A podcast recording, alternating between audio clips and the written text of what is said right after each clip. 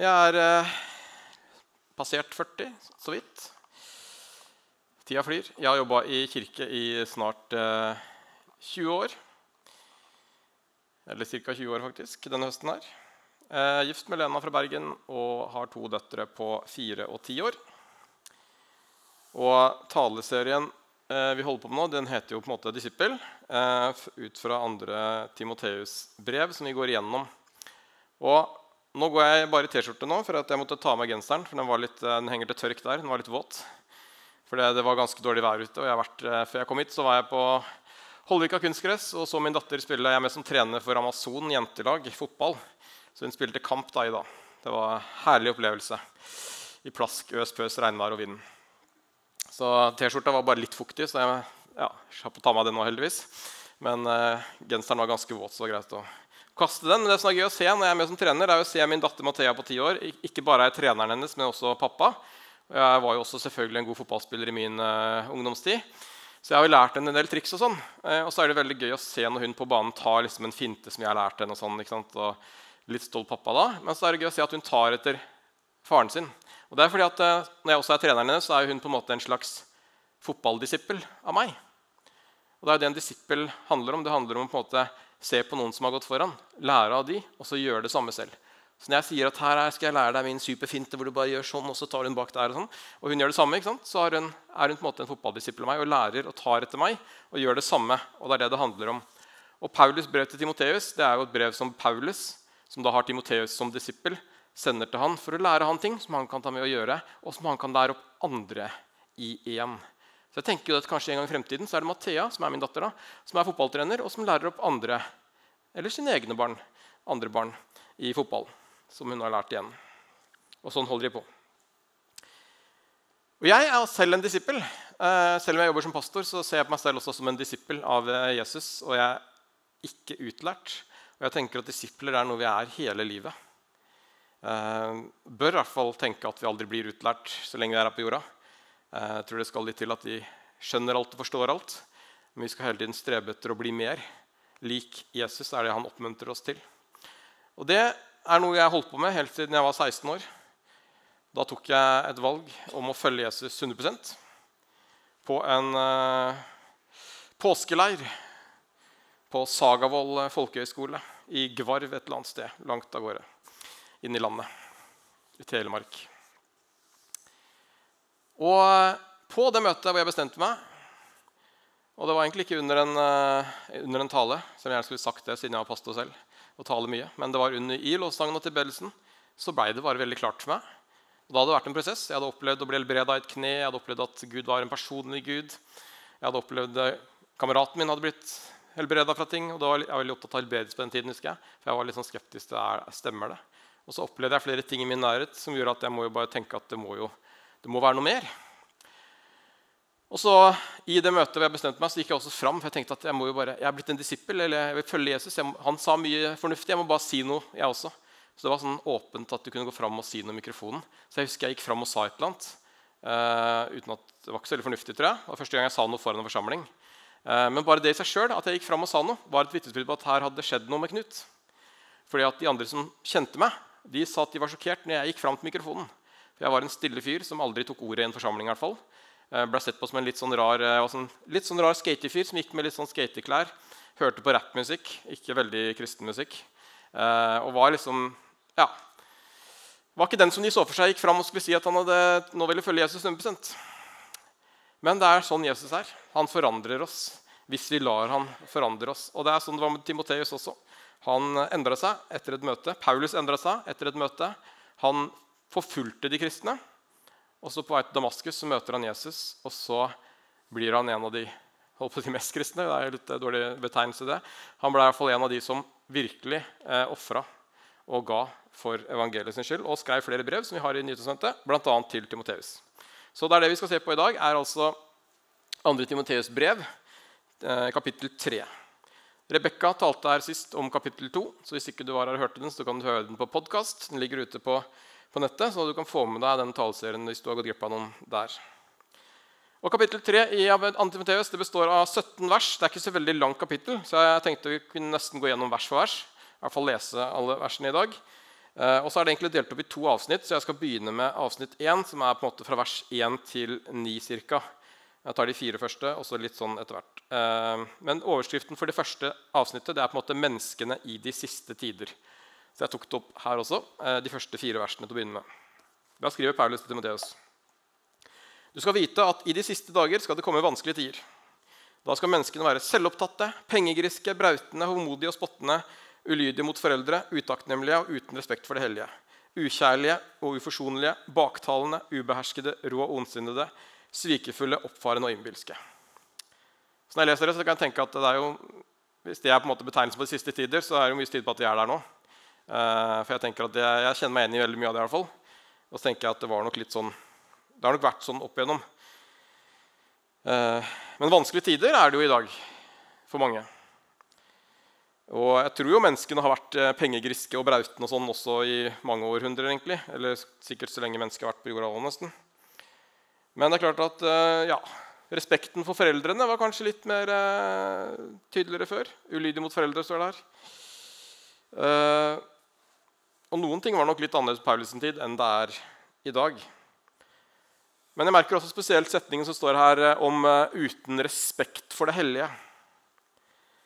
Det er noe jeg ser mer og mer i et mer og mer sekulært Norge. Det er mindre respekt for det som er hellig. Det er mindre respekt for uh, religion og for tro. Kristentro spesielt, vil jeg si. Og kristendommen. Dagens regjering har nylig kutta i støtte til bibelskoler, til KRIK og til mange andre eh, organisasjoner som på en måte bygger på et kristent livssyn. For hva er nytten i det, sier de. Hva er nytten med å gå på bibelskole eller ha det? på en måte? Det er helt unyttig, eh, så å si, sier regjeringen. La oss kutte. Og så lages det lover som skal på en måte innskrenke religionsfriheten. Og det er en utvikling, spesielt i Norge, vil jeg si, som gjør at troen får eh, trangere og trangere kår. Og det er kanskje en endring at respekten for det hellige er mye mindre nå enn den var for noen tiår siden. Ellers så tror jeg at mennesker fortsatt, og har vært det lenge egentlig, når det gjelder dette med å være pengegriske Vi bor i et land som har ganske greit overflodsmessig. Eh, det kan være lett å bli pengegrist da, tror jeg. Eh, baktalene, det tror jeg vi har vært, vært lenge. Eh, og jeg tror mennesker var mennesker også på Paulus' tid. Og mye av det han opplevde, det er nok mye av det vi også opplever. Men kanskje i enda større grad på noen områder, da, som nevnt. Og så er jo ikke bare mennesker generelt. altså Det jo, gjelder jo oss kristne òg. Eh, det her er jo ikke bare omtale de som ikke tror eller ikke går i kirka. For eh, det er ikke lett å vokse opp nødvendigvis i Vesten med alt det det fører med seg. Så jeg tenker at disse Paulus sine ord her, de utfordrer meg òg. Og jeg håper jo de utfordrer deg òg. Hvis ikke du kjenner deg igjen i noe av det her, så eh, kan du gjerne snakke med meg etterpå. For da vil jeg gjerne lære litt av deg. Men jeg tenker at vi alle kan ha noe av de eh, tinga der iblant. Og Så fortsetter han å skrive i verset som kommer etter, at de elsker nytelser høyere enn de elsker Gud. Og Det også tenker jeg er et vers som kan passe i 2022 på samfunnet og verden. Vi setter andre ting på førsteplass istedenfor Gud. Og vi elsker nytelser høyere. Og Vi er jo livsnytere på mange måter i Norge. Og så er det ikke noe galt i å, å, å, nyte livet, å nyte det livet som Gud har gitt oss, og som Gud har skapt oss til å leve i. Um, å nyte livet er ikke feil, men det er feil når det er nytelsene som får førsteplass i livet, og ikke Gud. Det er det som er utfordringen, tenker jeg. Når materialismen blir det viktigste, når tingene blir det viktigste, eh, når en godt betalt jobb eller stort hus blir det viktigste i livet, så er det Gud som orker listen, og som blir mindre. Og det blir mindre plass og rom for tro og hellighet. Og Så kan man gjerne gå i kirka for det, eh, men så klarer vi oss så bra selv uten Gud. Og så går vi oss kanskje litt vill noen ganger. Ofte uten å se det selv, tror jeg. Og jeg tror også ofte at eh, Bibelen beskriver det som lunkenhet. At vi tenker at ja, ja, går i kirka, jeg tror, Alt er på stell. Og så er kanskje ikke Gud på førsteplass likevel, men han er kanskje på femteplass, sjetteplass. Og så tenker vi at alt er som det skal, og så er det kanskje ikke det. Og Det omtaler Bibelen som lunkenhet. Du vet på en måte ikke om du er, du er ikke kald eller varm, du er lunken. Du merker det kanskje ikke helt selv. Eh, men det utfordrer Paulus oss også på flere stider. Og han skriver det egentlig veldig fint videre i vers 5. I det ytre har de gudsfrykt, men de fornekter gudsfryktens kraft. Og så sier han også til Timoteus.: Vend deg bort fra slike folk.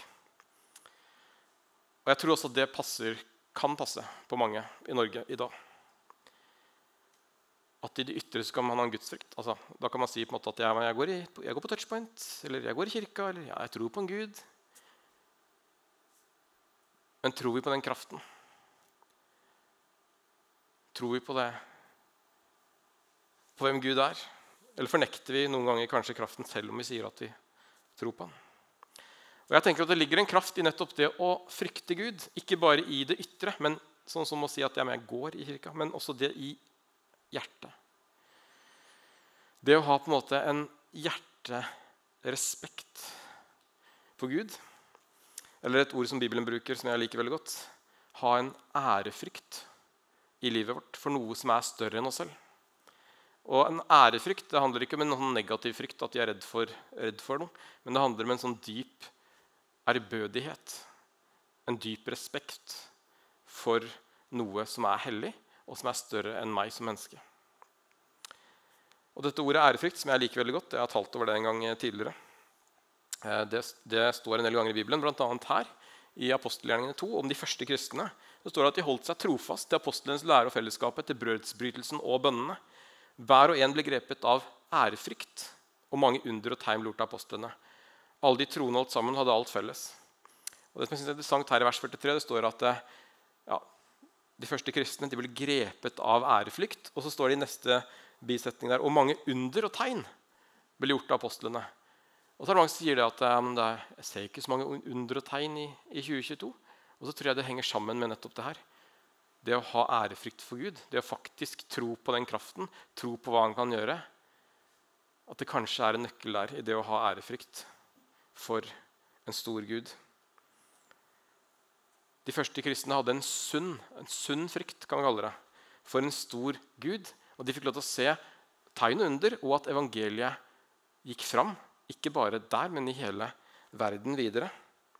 Og De stolte ikke bare på sine menneskelige krefter, men de satte sin lit til en stor Gud som hadde skapt himmel og jord, og som hadde all makt til å gjøre alt.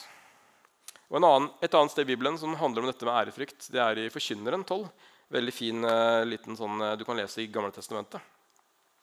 Og det er en, en mann som på en måte gjennom et langt liv deler sin visdom og sin erfaring med livet. når han har prøvd det meste, kan han si. Og så oppsummerer han på en måte i kapittel 12 eh, dette er summen av alt du har hørt. Frykt Gud og hold Hans bud. Og dette gjelder for alle mennesker, sier han. For Gud skal dømme hver gjerning, holde dom over alt som er skjult, enten det er godt eller ondt. Og Det er på en måte hans sånn konklusjon da, etter å ha testa alt. Veldig fint å lese for Forkynneren. Det er en bok som også tror passer veldig godt inn i vår tid, med materialisme og alt. For han kjøpte alt, kjøpte alle ting, hadde masse Ja, prøvde alt. Å leve livet. Mye livsnyting. Eh, og så er konklusjonen hans at eh, det det handler om, det er å frykte Gud og holde hans bud for alle mennesker. Å ha ærefrykt for en stor Gud. Så jeg tror at vi, som Paulus også oppmuntrer Timoteus til, er å tørre å stole på en som er større enn oss, og tørre å legge våre liv i hans hender og be om hans visdom til å leve som hans etterfølgere i verden i dag. Det var egentlig bare en liten uh, digresjon til uh, dagens uh, tekst. Men vi skal vende tilbake til, til Timoteus videre, vers 6-9, som er på en måte avslutter det første avsnittet. Når han advarer litt. Og så sier han også blant dem er også de som sniker seg inn i hjemmene og får makt over svake kvinner som er nedlesset i synder, slike kvinner som lar seg drive av all slags begjær, og som stadig får undervisning, men aldri kan lære sannheten å kjenne. Som Jannes og Jambres satte seg opp mot Moses, setter disse mennene seg opp mot sannheten. Deres dømmekraft er ødelagt, og deres tro holder ikke mål. Men nå skal de ikke ha mer fremgang, for det skal bli klart for alle hvor vettløse disse er, slik det skjedde med de to andre. Ja, Mange oppmuntrende vers her fra Paulus. Det blir bedre etter hvert. Men han begynner litt sånn i starten og handler om det her, og advarer egentlig Timoteus om eh, hvordan det er i samfunnet rundt seg, og at han må være forsiktig litt. Eh, og så snakker han om Jannes og Jambres som eksempler som satte seg opp mot Moses. Og Paulus han kjente godt eh, Gamletestamentet og Skriftene, for han var på en måte opplært i de. Han hadde studert de. Og man kan jo tenke at Her henviser Paulus til Det gamle testamentet når han snakker om Jannes og Jambres som satte seg opp mot Moses. Men Jannes og Jambres er ikke nevnt i Det gamle testamentet. Så de står ikke noe sted om de, men antagelig så var de en del av noen spåmenn står det om, som satsa på Moses. Og antagelig så var Jannes og Jambres noen der. Og at det var en del av den muntlige tradisjonen som de brukte, da, Paulus og de andre på den samtiden, med å si at det ikke, som, ikke gjør som Jannes og Jambres. Det var sikkert litt sånn skremme, skremmegreier òg. Men antagelig så var de ifølge den rabbinske tradisjonen spåmenn, eh, en del av spågruppemenn som var motstandere av Moses eh, på den tiden hvor Israels folke ble ført ut av Egypt. Eh, og de på en måte prøvde å det står noe om at Moses og Gud gjorde jo en del tegn i Egypt. Og disse spåmennene prøvde å gjenskape de tegnene. Blant annet så prøvde de å skape liksom en sverm med mygg. Det klarte ikke de, men Gud kunne, kunne gjøre det. Og Da er Janne Jambres her eksempler på mennesker som stiller seg i veien for det Gud gjør. Og som kanskje tror at de gjør rett, eller at de har rett, men som tar feil, og som ikke kjenner sannheten. Som han sier her, Akkurat som Jannes og Jambre satte seg opp mot Moses, setter disse mennene seg opp mot sannheten. Og det er nok en del mennesker i dag som Jannes og Jambres som stiller seg i veien for det Gud gjør. Som kanskje tror at de gjør et eller har et, men som allikevel på en måte blir et hinder for det som er sant, fordi de tar feil, og fordi de ikke kjenner sannheten eller fornekter den. Og det er mange i dag som setter seg opp mot sannheten eller det hellige, eller hva vi skal kalle alt, alt det som vi tror på. For det, det, er jo spesielle tider vi lever i, eh, merker jeg i samfunnet i dag. Og I helga var jeg på Sørlandssenteret. Eh, veldig halloween-preg i hele Sørlandssenteret, egentlig, på alle butikkene. Det er det som selger nå. Eh, skumle masker, død, demoner, vampyrer. Og det heier vi jo frem, barna Eh, ha det skumleste kostymet på halloween. Det er, liksom, det er bra. Og det var flere, også flere butikker på Sørlandssenteret som solgte spiritismebrett, eller uh, Oya-brett, som, uh, som, det også heter. Uh, og Jeg var inne og så på nettet. Liksom, så på, på Nordlys var det utsolgt på nettlageret, men du kunne fortsatt få det i noen butikker. Men det tyder på at det er populært. Det blir revet bort. Og De reklamerer også for spillet på nettsiden. så jeg. Ta plass rundt bordet med vennene dine og still spørsmål dere ønsker svar på, som kun det hinsidige kan gi. Ønsker du å komme i kontakt med en slektning som har gått videre, eller et gjenferd som har holdt deg våken litt for mange netter osv.? Og sto det til slutt en liten setning om at vær også oppmerksom på at forlaget ikke kan holde seg ansvarlig for eventuelt ubehagelig kontakt med det hinsidige. Det var godt de tok med den, da. Men eh, spiritismebrettet det går altså under kategorien familiespill. Så det kan man da hygge seg med sammen på lørdagskvelden og spise taco og få kontakt med en avdød onkel. eller et eller annet sånt. Så det er jo litt sånn koselig. Hvis du sier til noen andre venner eller sier det til folk i klassen kanskje, eh, vil du være med hjem og se om vi får kontakt med noen onde ånder eller de døde, så er det jo nesten ingen som reagerer på det nå. Det er jo halloween, og det er jo litt sånn satt på spissen. da. Men om du ønsker et rom på skolen for å be til gode krefter, gode makter, til Gud i Sogndal, så får du mest sannsynlig nei for de som har fulgt med på den saken om skolelaget i Sogndal som ikke får lov å be i et klasserom, og som heller ikke fikk lov til å be i en lavvo hvis det ble satt opp. og så er det jo sikkert skjedd mer i den saken også. Men det var bare et eksempel på at eh, det er ikke bra, men gjerne spiritismeseanse hjemme med skumle masker. Og det sier litt om Jeg tror Paulus han var jo snakka om samfunnet der, men han var jo også litt forut sin tid. Han snakker om de siste tider. Og jeg tenker at Om Paulus hadde levd i dag, så er det ikke sikkert at han hadde skrevet et så veldig annerledes brev. egentlig, hvis han skulle sendt et brev til en disippel i dag. Mange av de samme utfordringene tror jeg, på den tida og nå. Men det som da blir viktig tenker jeg, i et sånt samfunn, det er at jo mer og mer forfølgelse som kristendommen eller kristen tro opplever, så må noen våge å være enda mer tydelige på hva man står for. Det tenker jeg også kan være noe positivt. Sånn som dette skolelaget i Sogndal. Hun 15 eh, år gamle jenta som leda det skolelaget, hun uh, måtte velge å være tydelig. og si at hvis ikke vi får be på skolen, så ber vi på fotballbanen under paraplyer i, i regnværet. Og Det er et valg hun tok, som jeg tenker det står eh, respekt av. Istedenfor å si at nei, men da, da, dropper vi det. Hvis ikke vi får lov, så gidder vi ikke.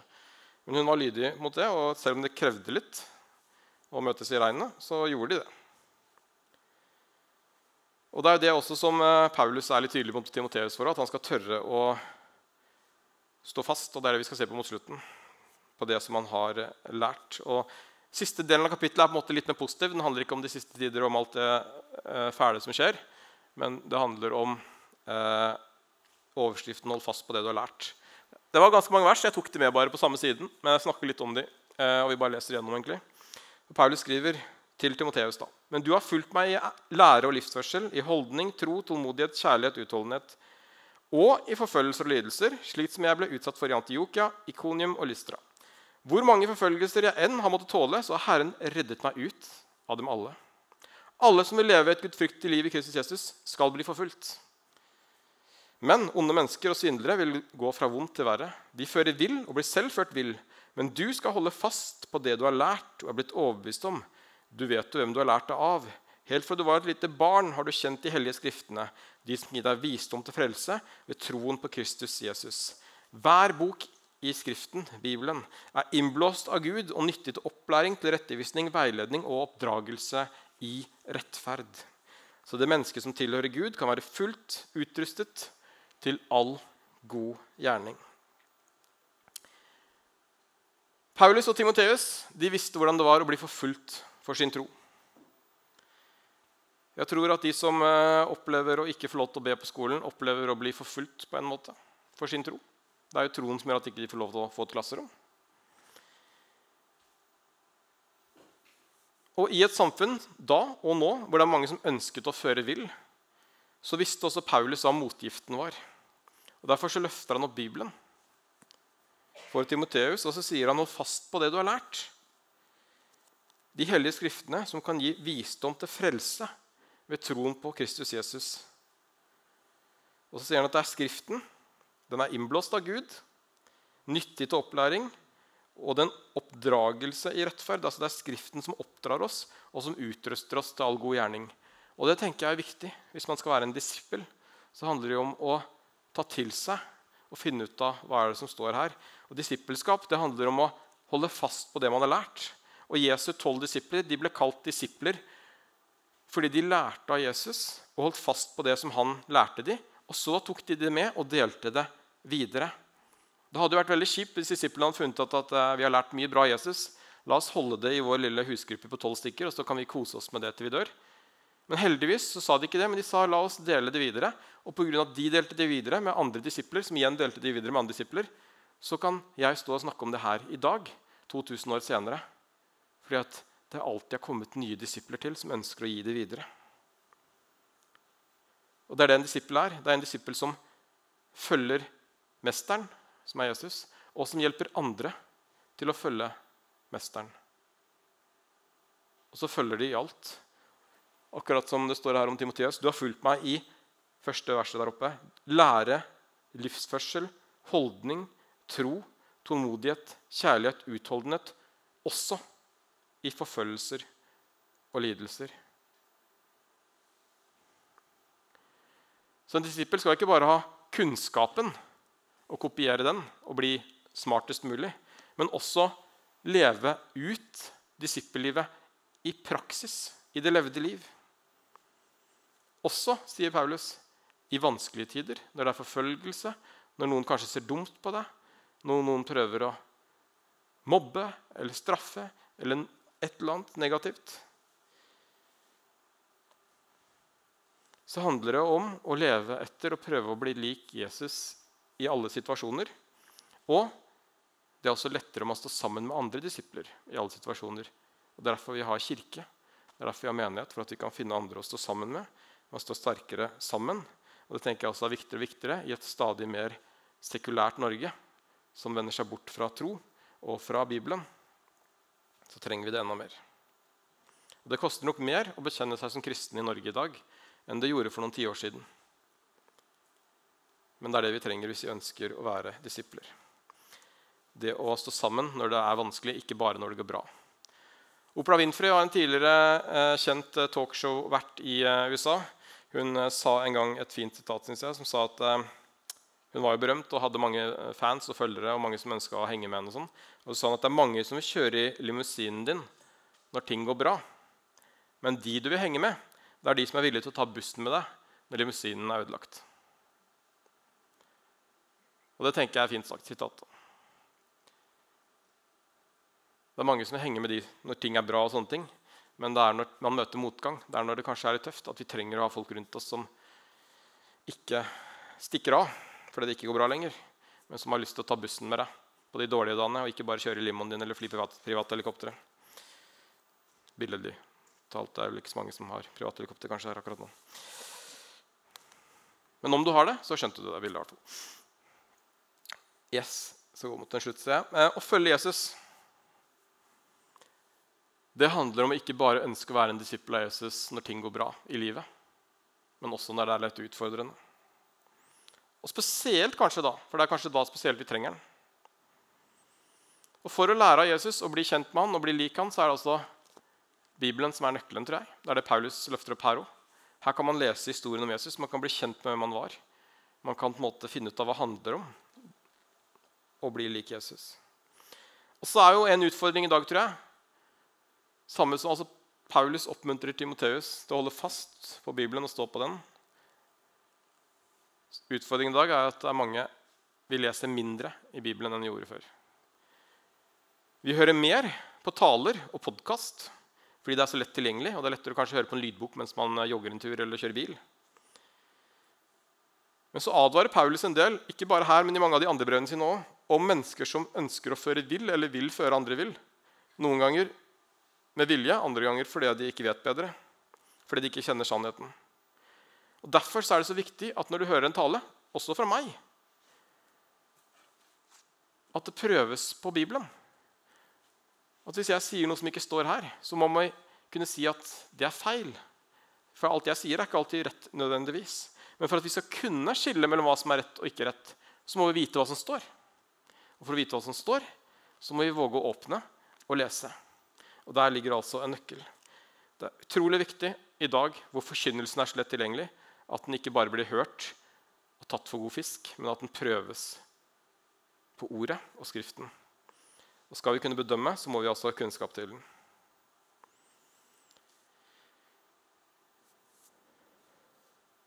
Så merker vi i dag at flere og flere i Norge sliter, eh, og i verden. Det er krig, høye strømpriser, høye matpriser, det er mye som ikke er så lett som det kanskje var. Og mange flere nordmenn også sliter med å få endene til å møtes. Og Da har vi som disipler og etterfølgere sånn som Timoteus, fått et oppdrag i det å bety en forskjell gjennom å utvise nestekjærlighet, elske andre og gjøre godt. Det siste som står her, det er jo det at mennesker som tilhører Gud, kan være fullt utrustet til all god gjerning. står Det Det er det siste verset jeg ville fokusere på helt til slutt. Det er også viktig å ta med. Vi som disipler kan få lov til å bety en forskjell gjennom å utvise nestekjærlighet, gjennom å elske vår neste og hverandre. Det er egentlig Skriften som oppdrar oss, og som utruster oss til all god gjerning, sier Paulus. Så Vi leser ikke Skriften bare for å finne ut om forkynnelsen var rett eller ikke, eller bare for å finne ut av hvem Jesus var. Men vi leser den også fordi at den utruster oss til å gjøre gode gjerninger mot andre. Jesus gjorde gode gjerninger. Han møtte menneskers behov. Han elsket de svake. Han spiste med tollerne og de som ingen ville være med. Og så er vi kalt til å gjøre det samme.